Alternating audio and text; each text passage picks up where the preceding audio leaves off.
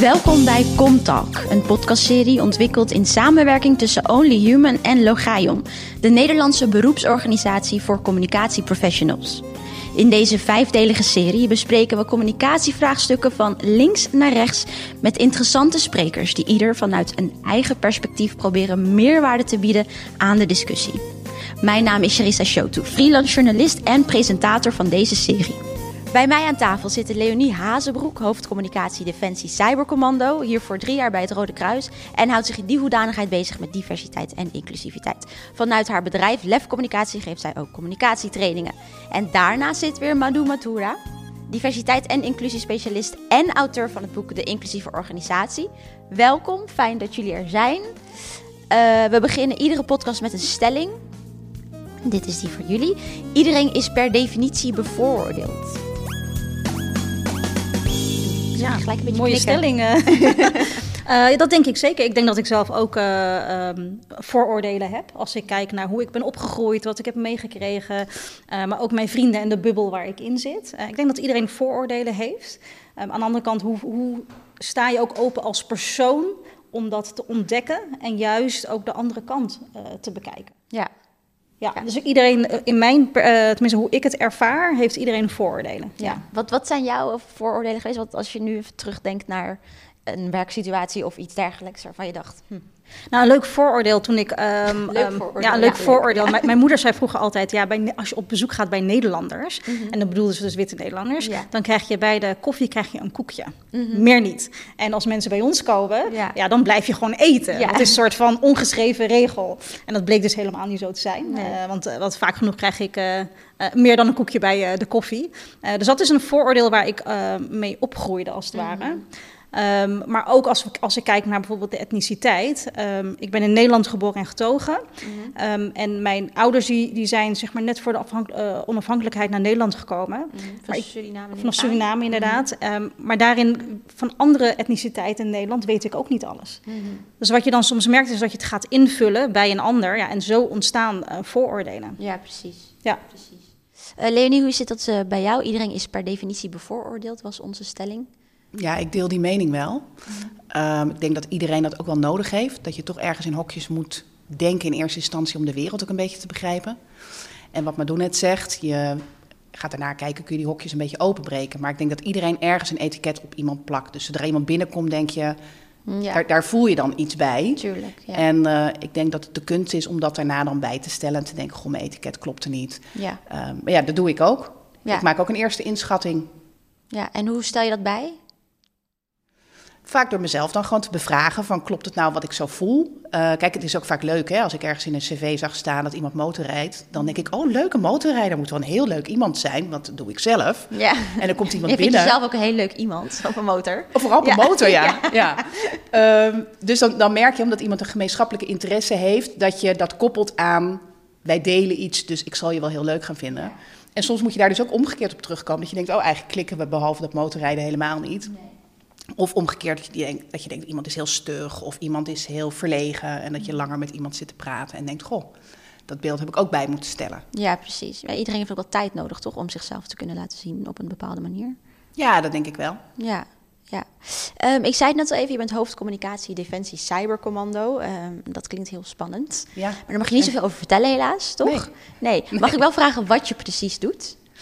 Ja, ik hou me bezig met communicatie uh, rond het Defensie Cybercommando en uh, werkzaamheden in het cybergebied. Uh, wij zijn een heel nieuw team. Het is ook een redelijk nieuwe eenheid.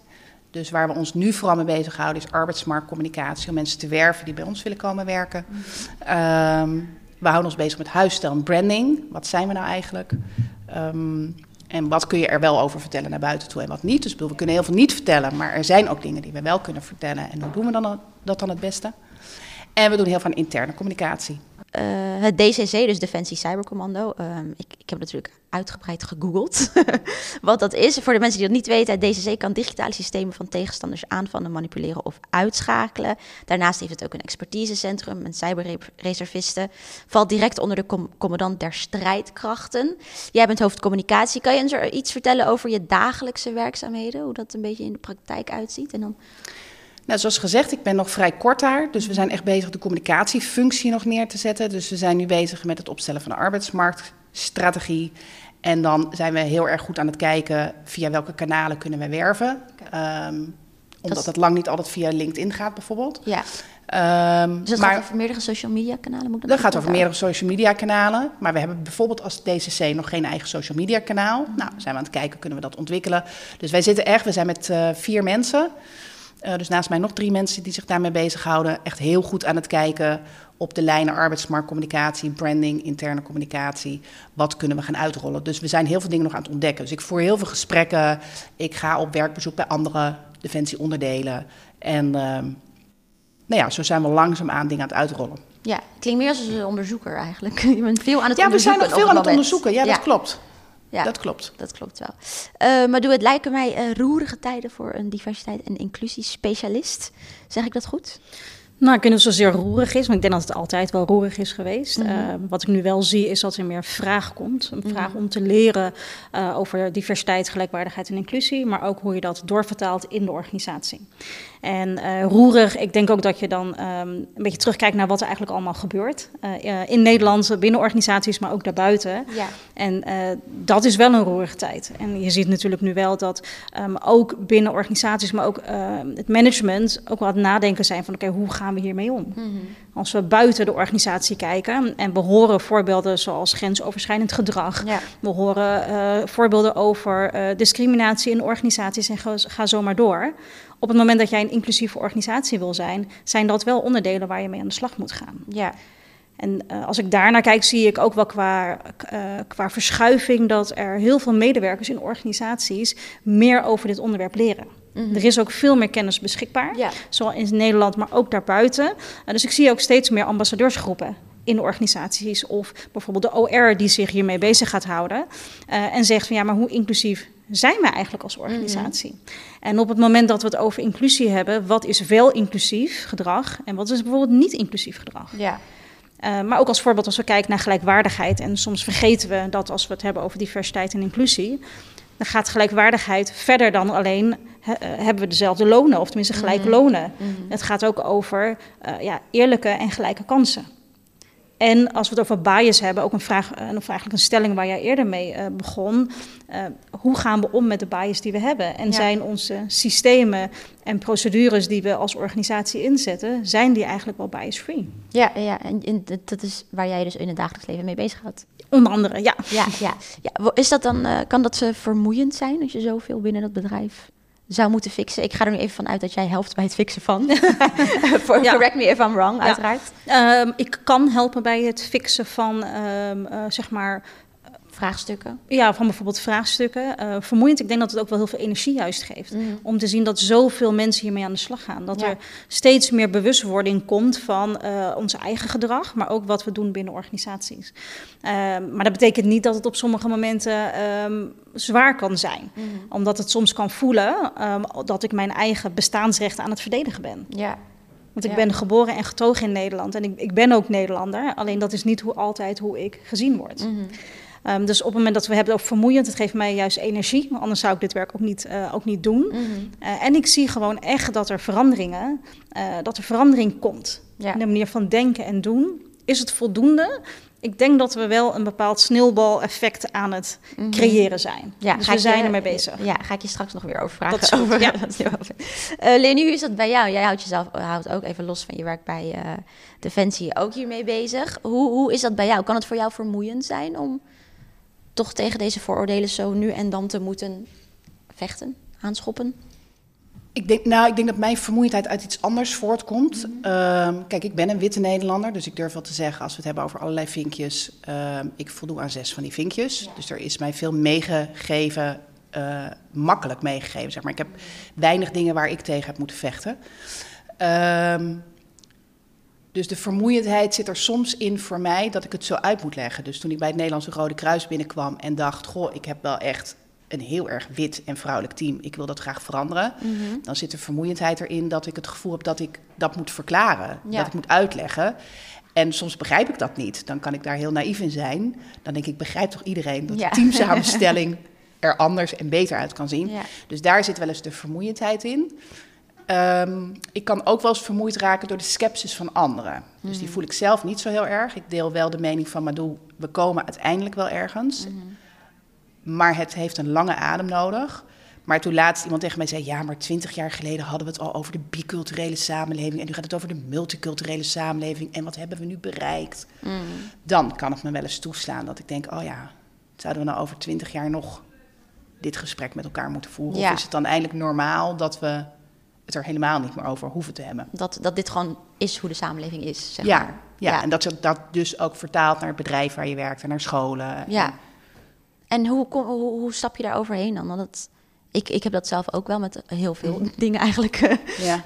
Uh, maatschappelijke issues. Hoe stap je er overheen dan? Hoe, hoe, als je hoort dat het eigenlijk al zo lang ja, onderwerp van gesprek is?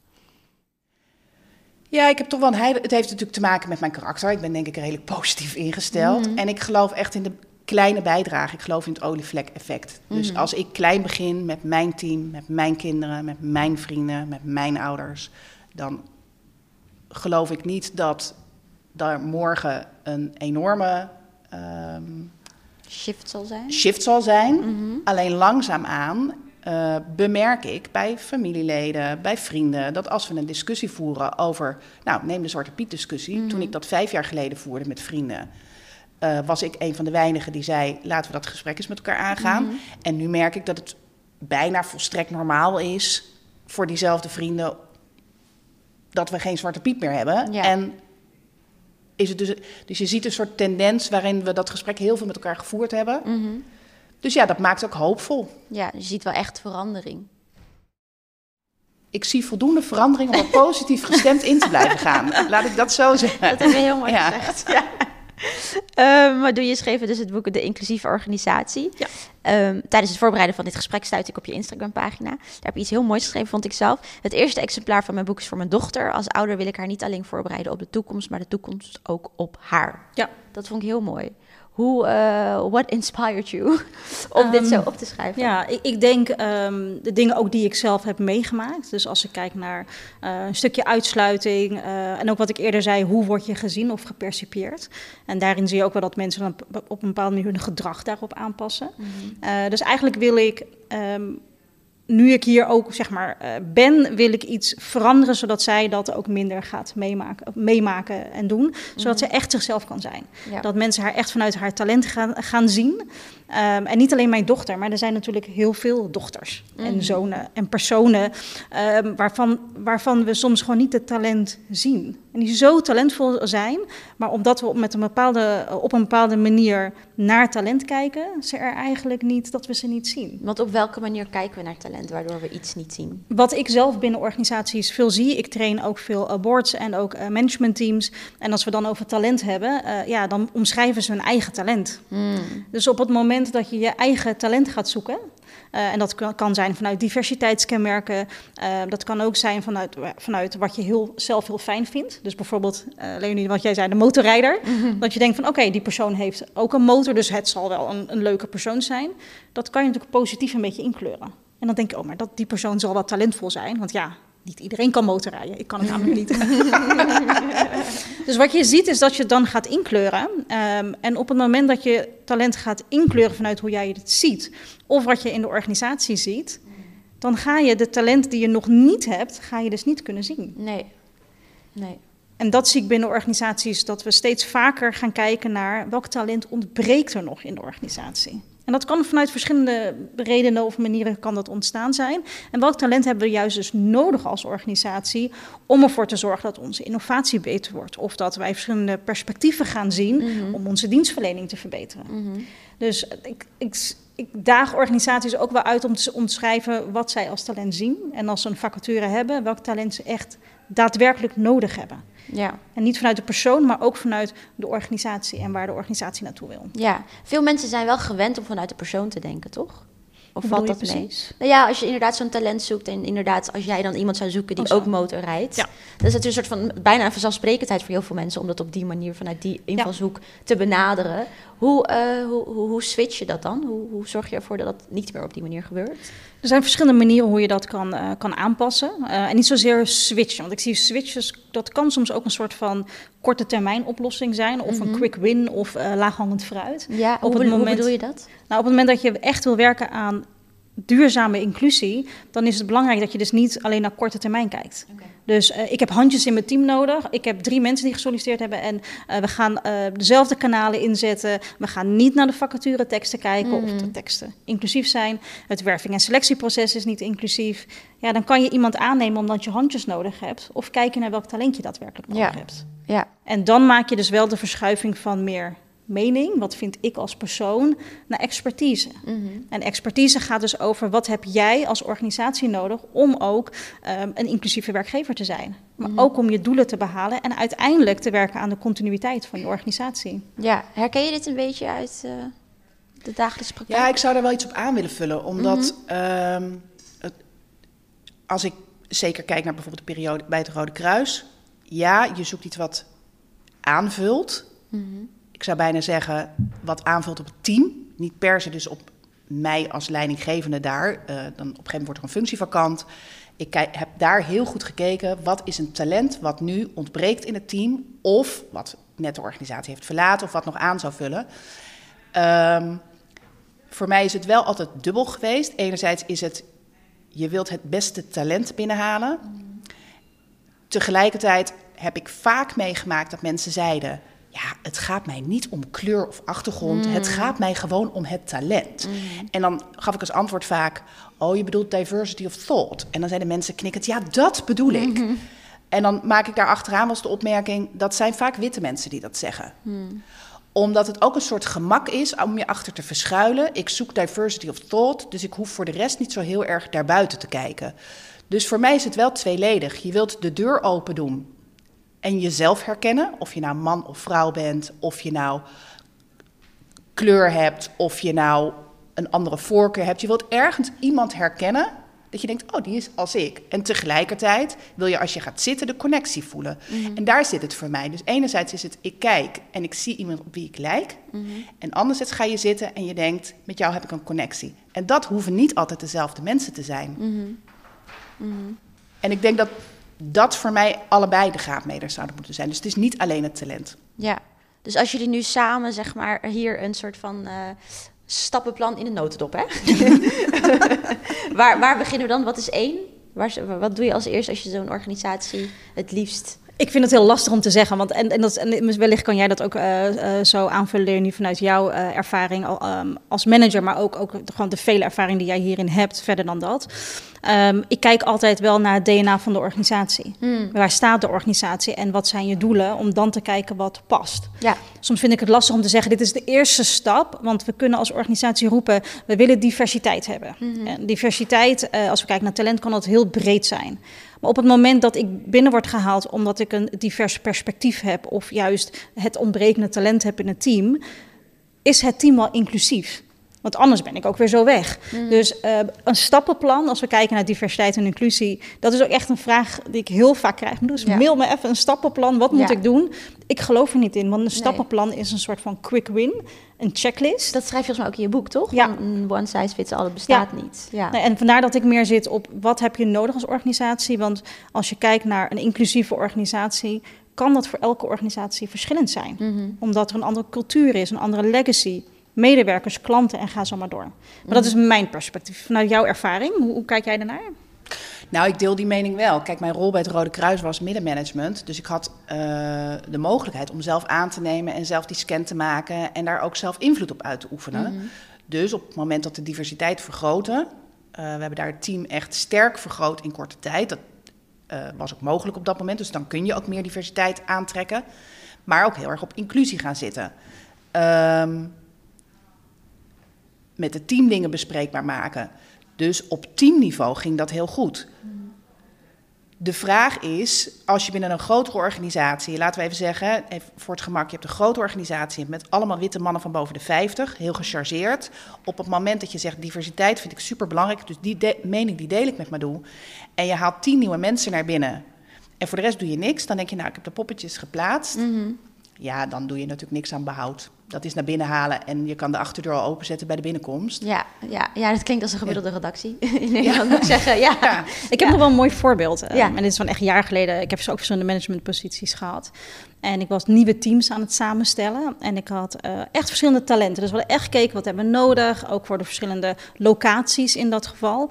Uh, waar ik mensen voor aan het werven was. En uh, toen hadden we echt veel nieuw talent binnengehaald. Mm -hmm. En ik weet nog dat mijn manager naar me toe kwam. en die zei, ja maar ik heb het bericht gekregen dat je best wel veel allochtonen aanneemt. Dus zou je dat willen minderen? Mm. Oh God. En toen dacht ik, oké. Okay. Uh, dus ik moest ook even nadenken. En, uh, en toen ben ik wel het gesprek aangegaan. Ja, ik heb naar talent gekeken. Maar jij ja. kijkt schijnbaar naar iets anders. Dus ja. waar verschilt ons beeld dan? Mm -hmm. En, uh, en toen hadden we wel het gesprek. En dat was echt een heel mooi voorbeeld. Waarbij echt heel duidelijk werd dat de organisatie daar helemaal niet klaar voor was. Nee, omdat het intern dus nog op deze manier besproken wordt. Ja, het doet, doet, me een beetje denken aan. Ik heb op meerdere redacties gewerkt de afgelopen tien jaar. En daar hadden, hadden we een van die redacties die had een pool. En dat moest dan zeg maar de talenten moesten dat zijn. Waarschijnlijk hadden ze daar een of andere subsidie voor gepakt. En dan, uh, en dan lieten ze dus, hadden ze daar zo'n een, een, een, een, hoe zeg je dat, een video van gemaakt. Van hè, uh, kom bij ons werken. Oh ja. En dan was ik een van de weinigen van kleur op de redactie. Maar dan zat die video, die zag eruit alsof, echt, alsof ik met heel veel andere mensen een soort van diverse redactie zat. Wat dus niet zo was. En daar had ik wel commentaar op. Maar daar kreeg ik ook weer commentaar op. Wat ja. ik ook wel weer heel grappig vond. Ergens. Omdat we kregen toen inderdaad ook zo'n diversiteitsworkshop. Omdat we daar dan heel veel over aan het, aan het praten waren. En was je als journalist... Ik ben natuurlijk journalist. Wij zijn er allemaal journalisten. Wij doen natuurlijk kritisch kijken naar alle vragen die wij krijgen. Ja. En eigenlijk alles. Dus wat gebeurt er bij zo'n workshop... waar je eigenlijk misschien iets meer zou moeten luisteren... om Hmm. juist die mindset te kunnen veranderen... kreeg degene die ons die workshop gaf... heel veel kritische vragen achter elkaar Ja. Hierover, waardoor er eigenlijk niet zoveel veranderde. Is dit iets wat jullie in de praktijk vaker tegenkomen? Dan heb ik het nu over een redactie natuurlijk, dat hoeft niet zo te zijn, maar ja, ik zie jou al een beetje soort van lachen. Ja, Ja, ik, ik maak het zelf ook wel vaker. Ik heb het vaker meegemaakt, zeg maar. Ja. Ehm, ehm, ik zit even. Ik komen verschillende voorbeelden Ja, naar, boven. ook, ja. Ehm, maar ja, ik, ik heb het inderdaad vaker meegemaakt. Als ik nu wel eens kijk naar bijvoorbeeld trainingen, dan eh, kijk op het moment dat je zegt, we hebben het over diversiteit en inclusie, ehm, en dat je zelf redelijk in een bepaalde bubbel bent opgegroeid. Dat kan, dat is heel normaal. Ehm, ja, en, en we hebben het over het onderwerp. Dan vaak merk ik dat mensen een beetje zoiets hebben van... ja, maar ik, eh, ik ben geen racist. Ja, maar ik sta echt open. Maar wat jij nu zegt, dat vind ik niet kunnen. En wat je dus ziet, is dat mensen heel erg over zichzelf praten. Alleen in een organisatie zit je er niet alleen voor jezelf. Nee. Je bent niet aangenomen voor je mening. Je bent aangenomen voor je expertise. En, en dan ontstaat er iets bijzonders. Dus dan hebben we het gesprek met elkaar over... wat betekent diversiteit en inclusie... en gelijkwaardigheid voor de organisatie... Hoe vul je het in? En soms zie je dat mensen het soms lastig vinden om mee te gaan. Dus daar proberen we ook wel een beetje te zoeken, want je wilt wel de verbinding met elkaar houden, want je bent een organisatie. ja. Alleen soms kan het wel gebeuren dat het richt vanuit weerstand eh, dan richting sabotage gaat. En Dat- sabotage, dat is dan meer dat mensen echt, echt zoiets hebben van... oké, maar ik ga expres niet meedoen. Ik ga expres zorgen dat ik hele vervelende vragen ga stellen... Ja. Ehm, zodat we eigenlijk de boel gaat ont- gaan ontwrichten. En een voorbeeld, een, een tijdje geleden gaf ik een training en toen hadden we het over discriminatie en racisme. En toen, toen maakte iemand de opmerking, ja maar discriminatie, dat is geen feit, dat is een gevoel. En Oh, ik voel me ook wel eens rot. Hmm. En ik had mijn, ehm, zeg maar mijn perspectief al gedeeld met cijfers, met uitleg. Ehm, en ik ben er niet om mensen te overtuigen. Nee. Ik ben er om mensen handvatten te geven, zodat ze daarmee aan het werk kunnen gaan. En toen heb ik het ook teruggegeven. Van, ja, weet je, wie van de groep wil hierop reageren? Want op het moment dat ik weg ben, wil ik het onderwerp en vooral het gesprek wel in de organisatie laten. Ja. En toen ontstond er wel een heel mooi gesprek. En ook mooi dat mensen ook kwetsbaar kunnen zijn en dingen kunnen zeggen. Eh, want dat kan ook weer de bubbel zijn waar je in leeft. Ja. Want op het moment dat jij het niet hebt meegemaakt en je hebt het niet gezien, omdat je er niet voor open stond en je hoort het, dan kan je er natuurlijk ook best van schrikken.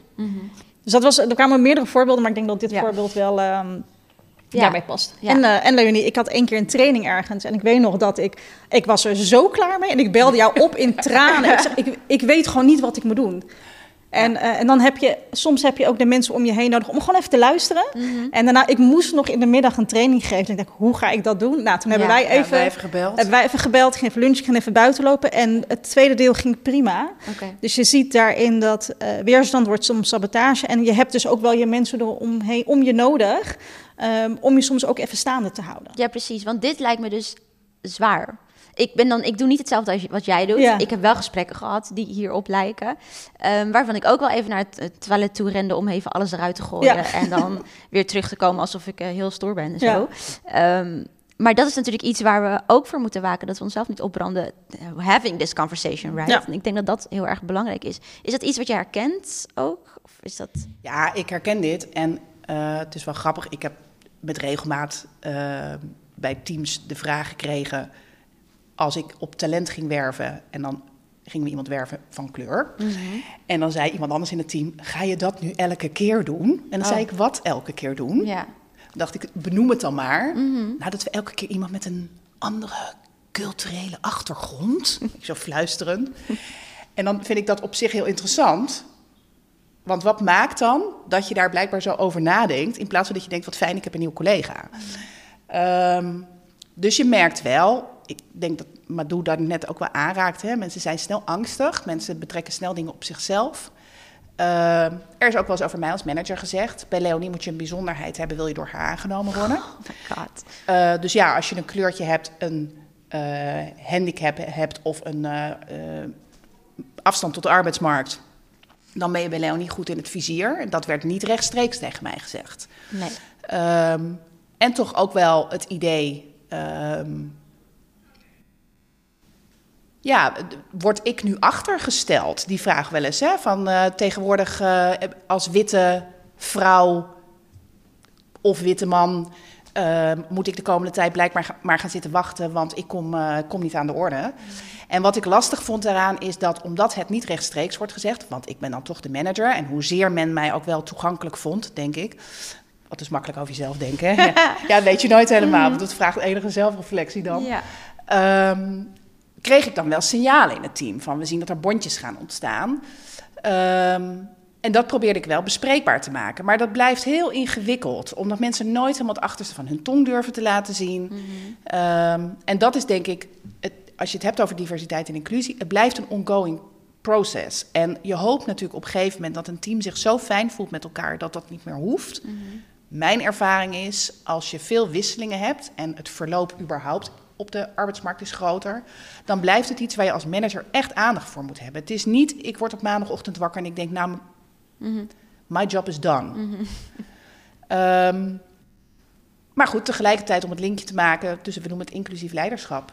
Ik hoor heel vaak dienend leiderschap, situationeel leiderschap. Voor mij is het uiteindelijk één pot nat. Ja, het is leiderschap vind ik heel grappig trouwens. Ja, ja alsof je elke dag bedenkt in een andere situatie dat je het anders gaat doen. Voor mij blijft het, het is leiderschap waarbij je je richt op de mensen in je team om je team zo goed als mogelijk te laten functioneren. Mhm.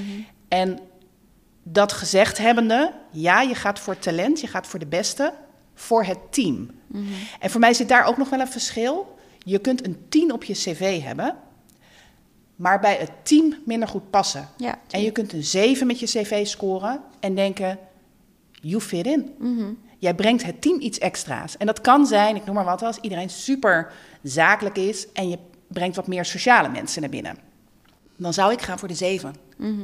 Want de 7 kun je met opleiding en goede aandacht kun je er ook een 8 of een 9 van maken. Maar dat sociale aspect wat ik nodig heb in mijn team, om het bijvoorbeeld meer outgoing te laten zijn, meer op de markt gericht te laten zijn, dat kan ik niet trainen. Dat is een vaardigheid die helemaal intrinsiek in je zit. Dus ik probeer dat steeds ook wel erbij in oogschouw te nemen. Ja, maar op management, managementniveau is het toch ook wel een soort van je hebt de manager, daar vallen allemaal mensen onder. Die manager die zegt, we hebben diversiteit nodig bijvoorbeeld. Dan moeten die andere mensen daaronder, die moeten dat allemaal vatten. Want zij moeten ook iedere dag met die mensen werken waarschijnlijk. Ik merk dat bijvoorbeeld uit mijn eigen ervaring dat dat nog best wel lastig kan zijn.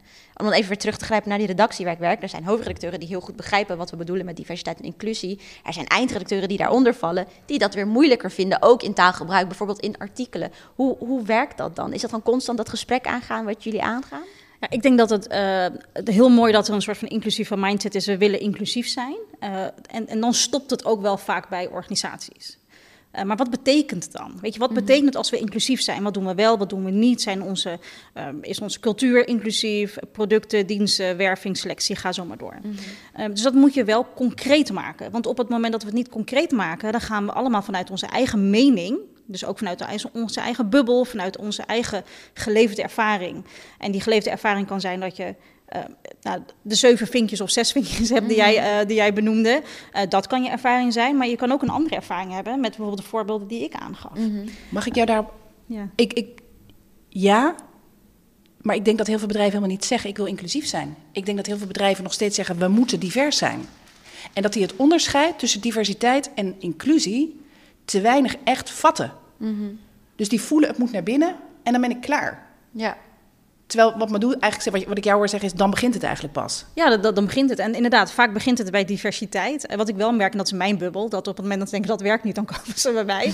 En dat is natuurlijk, dat is bij mijn bubbel van, oké, eh, help, uh, help mij of help onze organisatie om inclusiever te worden. Want dan begrijpen we ineens, oh wacht even, we moeten dus wel gaan hebben over gelijkwaardigheid, hoe we iedereen behandelen, welke kansen we geven.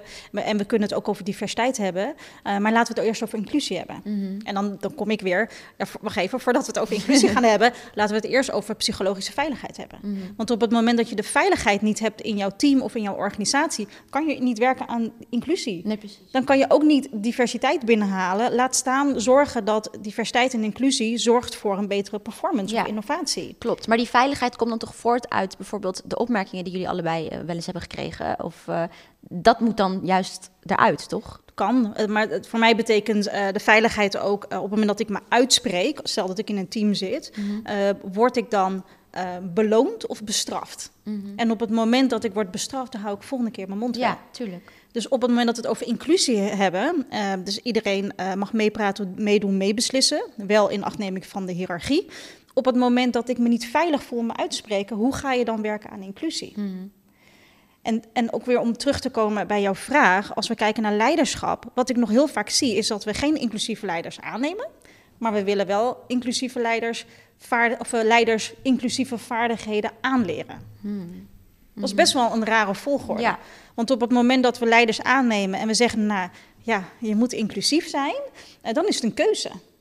Mm en op het moment dat je echt zegt, oké, weet je, we gaan inclusieve leiders aannemen, um, dan ga je ook andere vragen stellen. Dan ga je ook andere vaardigheden ga je eigenlijk toetsen in dat, in dat proces. Kijk je naar organisaties, dan zie ik uh, vaak ook dat het middenmanagement nog zoiets heeft van: oké, wacht even, wat betekent dit voor mij? Mm. Heb ik nu ineens minder kansen? Mm -hmm. En op het moment dat we het gesprek aangaan en we hebben het over de weerstand, dan heb je hele mooie gesprekken. En dat is ook onderdeel van inclusie, dat we die verschillende perspectieven horen.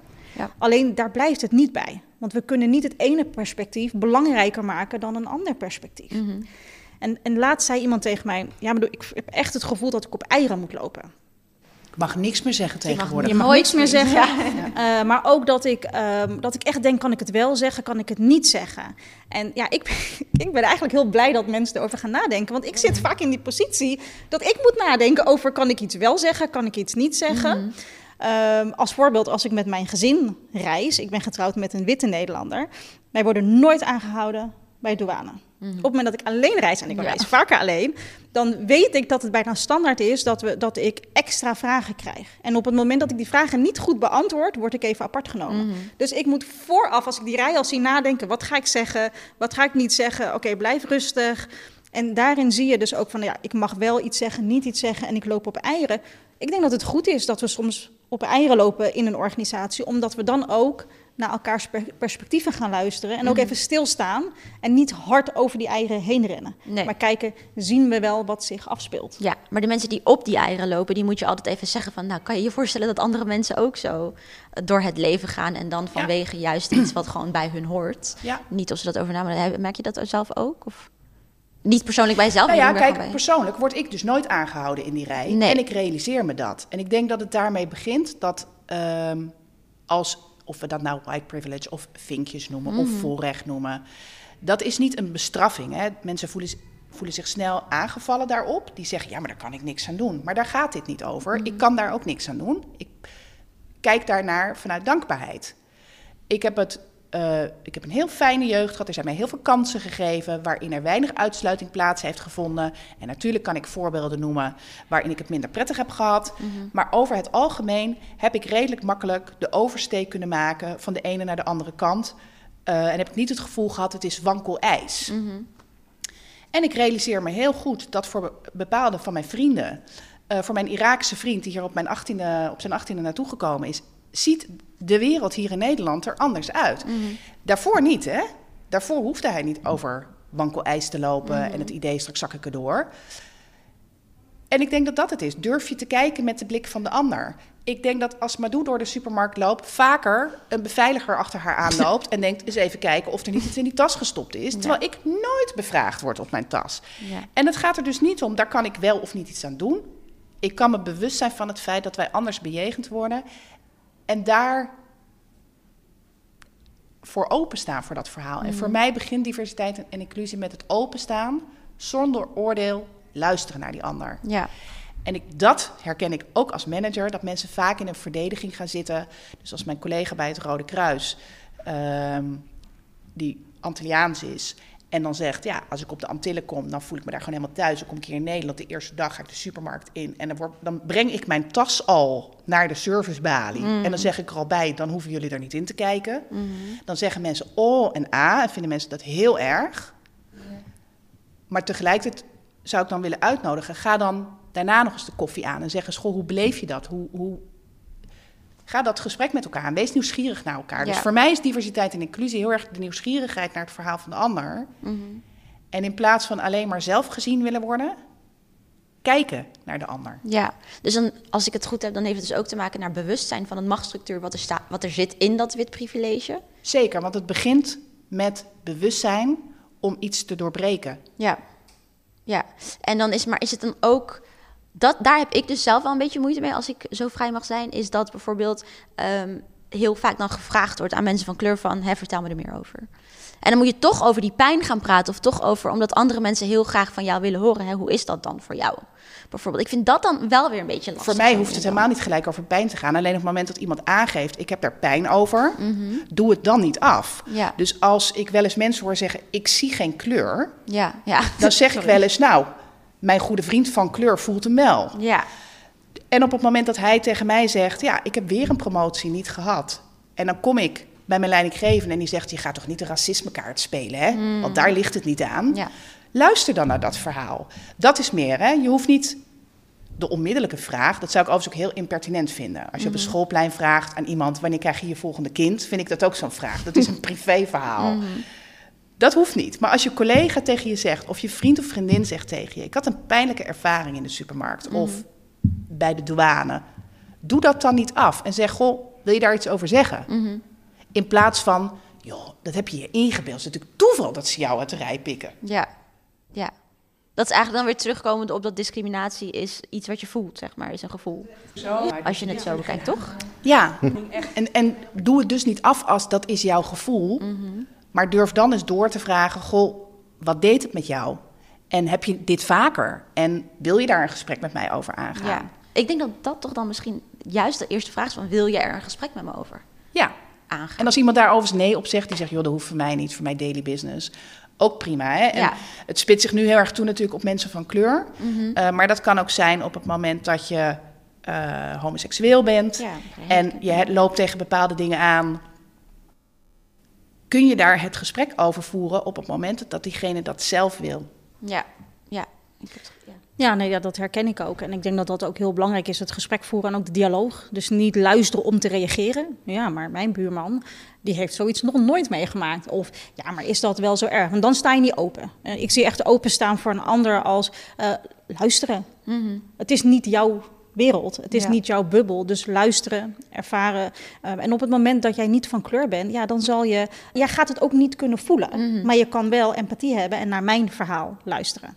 Ja. En, en dat is natuurlijk wel waar we ook nu een beetje in zitten. En wat het ook soms spannend maakt als we kijken naar op eieren lopen of het grijze gebied. Is dat als we kijken naar de structuren in, in Nederland, dan zijn dit dingen die we helemaal niet op school geleerd hebben. Mhm dan is dit verweven in het lesmateriaal wat we geleerd hebben op school. Dan hebben we het nog steeds over feminien leiderschap of uh, masculien leiderschap, maar niet over intersectioneel leiderschap. Mhm. Als we het hebben over, en dan zie je, je hebt ook zo'n um, de, een poppentest. Uh, zwarte poppen, witte poppen. Dus je ziet dat het helemaal verweven zit in onze, uh, in onze uh, maatschappij. Mm. Dus mensen hebben het ook niet geleerd. Dus mm. op het moment dat je iets spannends ziet en je hoeft het niet te leren, omdat je er geen last van hebt, dan zal je dat misschien minder vaak doen. Ja, dat is die privilege dan weer waar we het over hebben. Klopt, ja. ja. Dus, want ik hoef me zeg maar op het ik kan niet zeg maar vrijdagmiddag zeggen van oké, nou ik stop met mijn werk. Een heel mooi voorbeeld. Eh, ik was, het was afgelopen weekend was het lekker warm en ik fietste met mijn man samen naar Kijkduin toe. En we fietsten ergens langs en toen, toen waren er twee mannen aan het praten. En toen zei de ene man tegen de andere, ja die zwarten die hier komen uh, wonen, die moeten gewoon weg van hier. En ik dacht, dit, het was gewoon zondag en ik fietste verder. En mijn man die wilde echt stoppen en ik hinte hem, joh, laat, weet je, kom we gaan, we zouden lekker op het zand gaan lopen. Mm. Ik kies niet wanneer ik het kan uitzetten of mm. niet. En ik word dan heel boos en hij ook. Hij zegt, nee, maar we moeten wat zeggen. Ik zeg, maar het heeft geen zin. Mm. En we zijn nu gewoon even samen. Ik, ik wil het nu even uitzetten, want anders sta ik 24 uur sta ik gewoon aan. En dus ja, het is privilege. Wat ik, waar, wat ik wel denk, nu is een kwart van Nederland is bicultureel. In 2050 is dat 40 procent. Ja. Dus het wordt straks geen keuze meer. Ja, in Amsterdam is het al bijna. Dus 53 procent. Ja, dus je zal ook, zeg maar, als je vanuit organisatieperspectief, uh, als je het bekijkt en je wilt talent binnenhalen, je wil je continuïteit wil je waarborgen, ja, dan moet je dus kijken naar verschillende diversiteitskenmerken. Want met een homogene groep die er vaak nu wel zit in de top, ga je het niet redden. Nee, precies. Je gaat het gewoon niet redden, punt. Klaar. Ja. ik denk dat dat ook de hoofdboodschap zou moeten zijn. Diversiteit is niet maar een kwestie van leuk of voor de aardigheid.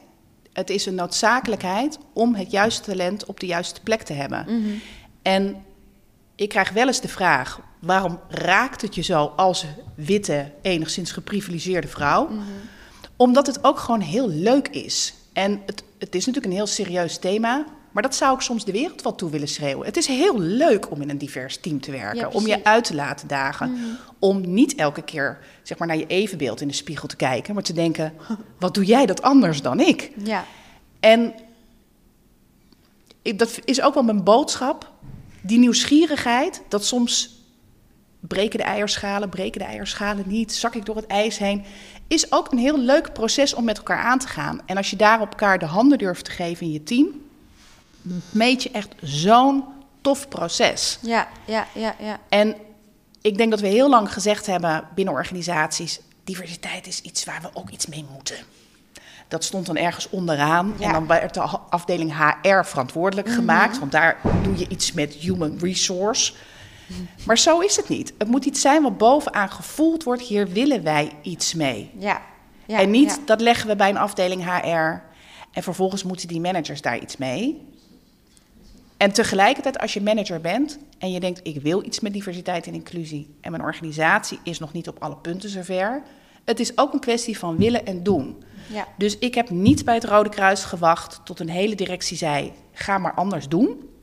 Je bent gewoon gaan doen. Ja, want ik dacht, als we altijd blijven doen wat we altijd deden, dan krijgen we wat we altijd kregen. Dus dan ga ik het anders doen. En dan zien jullie mij maar als een pilot. En toen zeiden mensen, goh, je hebt ineens tien mensen die reageren op die functie. Ja. Nou, dat was in de tijd dat nul of één mhm. heel gebruikelijk was. Nou, dan zie je, dan ga je dus een olievlekje krijgen. Ja, precies. Mooi. Ik denk dat het een goed uh, moment is ook om het af te sluiten. Want ik kan nog met jullie door blijven praten, merk ik. Maar uh, volgens mij hebben we de tijd ook niet meer. Ik wil jullie bedanken voor jullie inzichten en uh, het fijne gesprek. Dank je wel daarvoor. Iedere aflevering sluiten we af met een spoken word voordracht van woordkunstenaar Atta de Tolk. En we zijn erg blij en trots dat Atta hier bij ons is om hetgeen wat wij besproken hebben voor te dragen in zijn woorden. Laat je inspireren en meevoeren. Hier is Atta de Tolk. Gelijkwaardigheid kent niet alleen maar voordelen. Want heeft niet iedereen bij voorbaat een oordeel. Als mens sta je in de maatschappij en je hoort veel. En dan zie je dat opvattingen van een ander onbewust bij je doorspeelt. En sommige wetten lijken geschikt voor op een tegel of in een boekje. Bijvoorbeeld bij Nederlanders krijg je maar één koekje. Het is de bril waarmee je kijkt, bijvoorbeeld naar iemand die motor rijdt. Het helpt omdat je de kenmerken en voorkeuren van een ander begrijpt. En waar je eigenlijk achter komt, is dat achtergrond doorkomt naar de voorgrond. Dus ook in grote organisaties zie je dat het voorkomt. In hoeverre zijn we dan in staat op de automatische piloot inclusiever te worden? Die uitdaging is groot. Een vraagteken of het inderdaad lukt te veranderen, zonder dat je aandacht schenkt aan dat vraagstuk. Hoeveel golven zijn er in de zee? En pas bij constante herhaling neem je mensen met de verandering mee. Maatschappelijke issues kunnen ons moe maken. Maar met de business van verandering doe je hele goede zaken. Wat vijf jaar geleden taboe was, is nu doorbroken. Verandering komt pas nadat het pijnlijke wordt besproken. Hoe worden we gezien? En zijn we automatisch aan het aanpassen? Onze tenen wringen en buigen voor de schijn dat we de schoen passen. De verandering die je wilt moet je zelf toepassen. Met open mind kijken in de spiegel als bedrijf. Waarom weerspiegelen we vooral wat de norm lijkt? Wat is de onderliggende angst als je daarvan afwijkt? En waarom kies je voor de korte termijn in plaats van het fruit dat prachtig met de tijd rijpt? Gelukkig heeft niet iedereen dat probleem. Maar welke pioniers doorbreken dat systeem? In essentie gaat het om de connectie.